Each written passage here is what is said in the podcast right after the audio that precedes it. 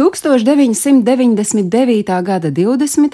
aprīlī aptuveni 11.20 dienas pirmajā pusē divi bruņoti skolas audzēkņi, 17 gadu vecais Dilans Klebolts un 18-gadīgais Ēriks Haris, atklāja uguni pie Kolumbainas vidusskolas ēkas Denveras pilsētā. Kā vēlāk noskaidroja izmeklēšanā, tad tās dienas notikumi ritēja šādi. Vispirms šāvēji uz skolu atbraukuši katrs ar savu automašīnu. Ap 11.10 devušies uz skolas kafejnīcu, kur novietojuši somas ar paštaisītiem spridzekļiem. Tiem bija jāeksplodē 11 un 17 minūtēs. Uzbrucēji somas atstājuši iekšpusē, bet paši izgājuši ārā gaidīt sprādzienu. Kad sprāgstvielas pievīla, Klebolts un Haris sāka apšaudi. Šāvēji turpināja apšaudi skolas iekšpusē. Aptuveni 11.35. Viņi bija jau paspējuši nogalināt 12 skolēnus un vienu skolotāju, kā arī ievainojuši 23 cilvēkus. Nepilnu stundu pēc savas asiņainās plosīšanās uzbrucēji pavērsa ieročus pret sevi, izdarot pašnāvību turpat skolas bibliotēkā.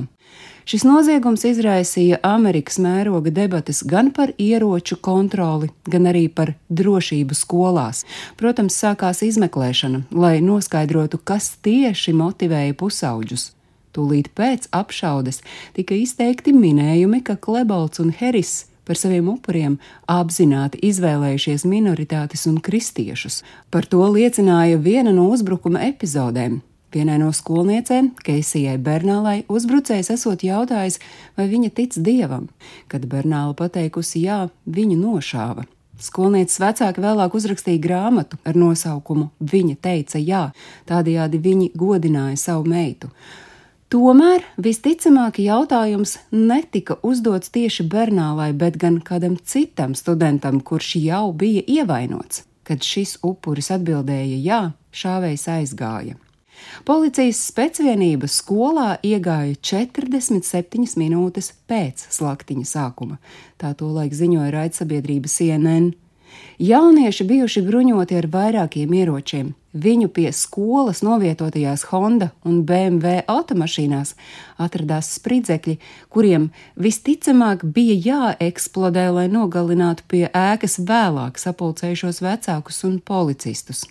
Pēc slaktiņa izplatījās virkne teoriju.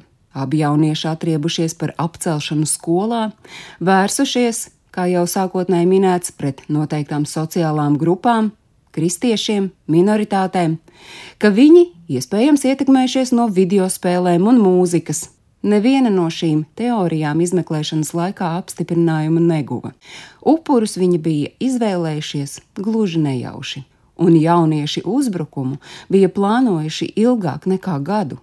Spridzekļu iedarbošanās gadījumā bojā ietu teju ik viens, kurš atradās skolā, norāda policija, bet zīmīgi, ka 20 gadu vēlāk kāda cita amerikāņu pusauģu māte atklāja sava dēla nodomus līdzīgu slaktiņu atkārtot.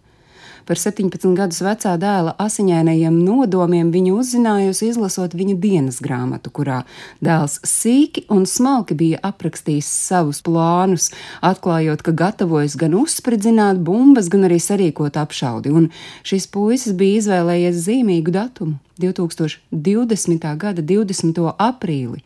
21. gada dienu kopš 1999. gada slaktiņa.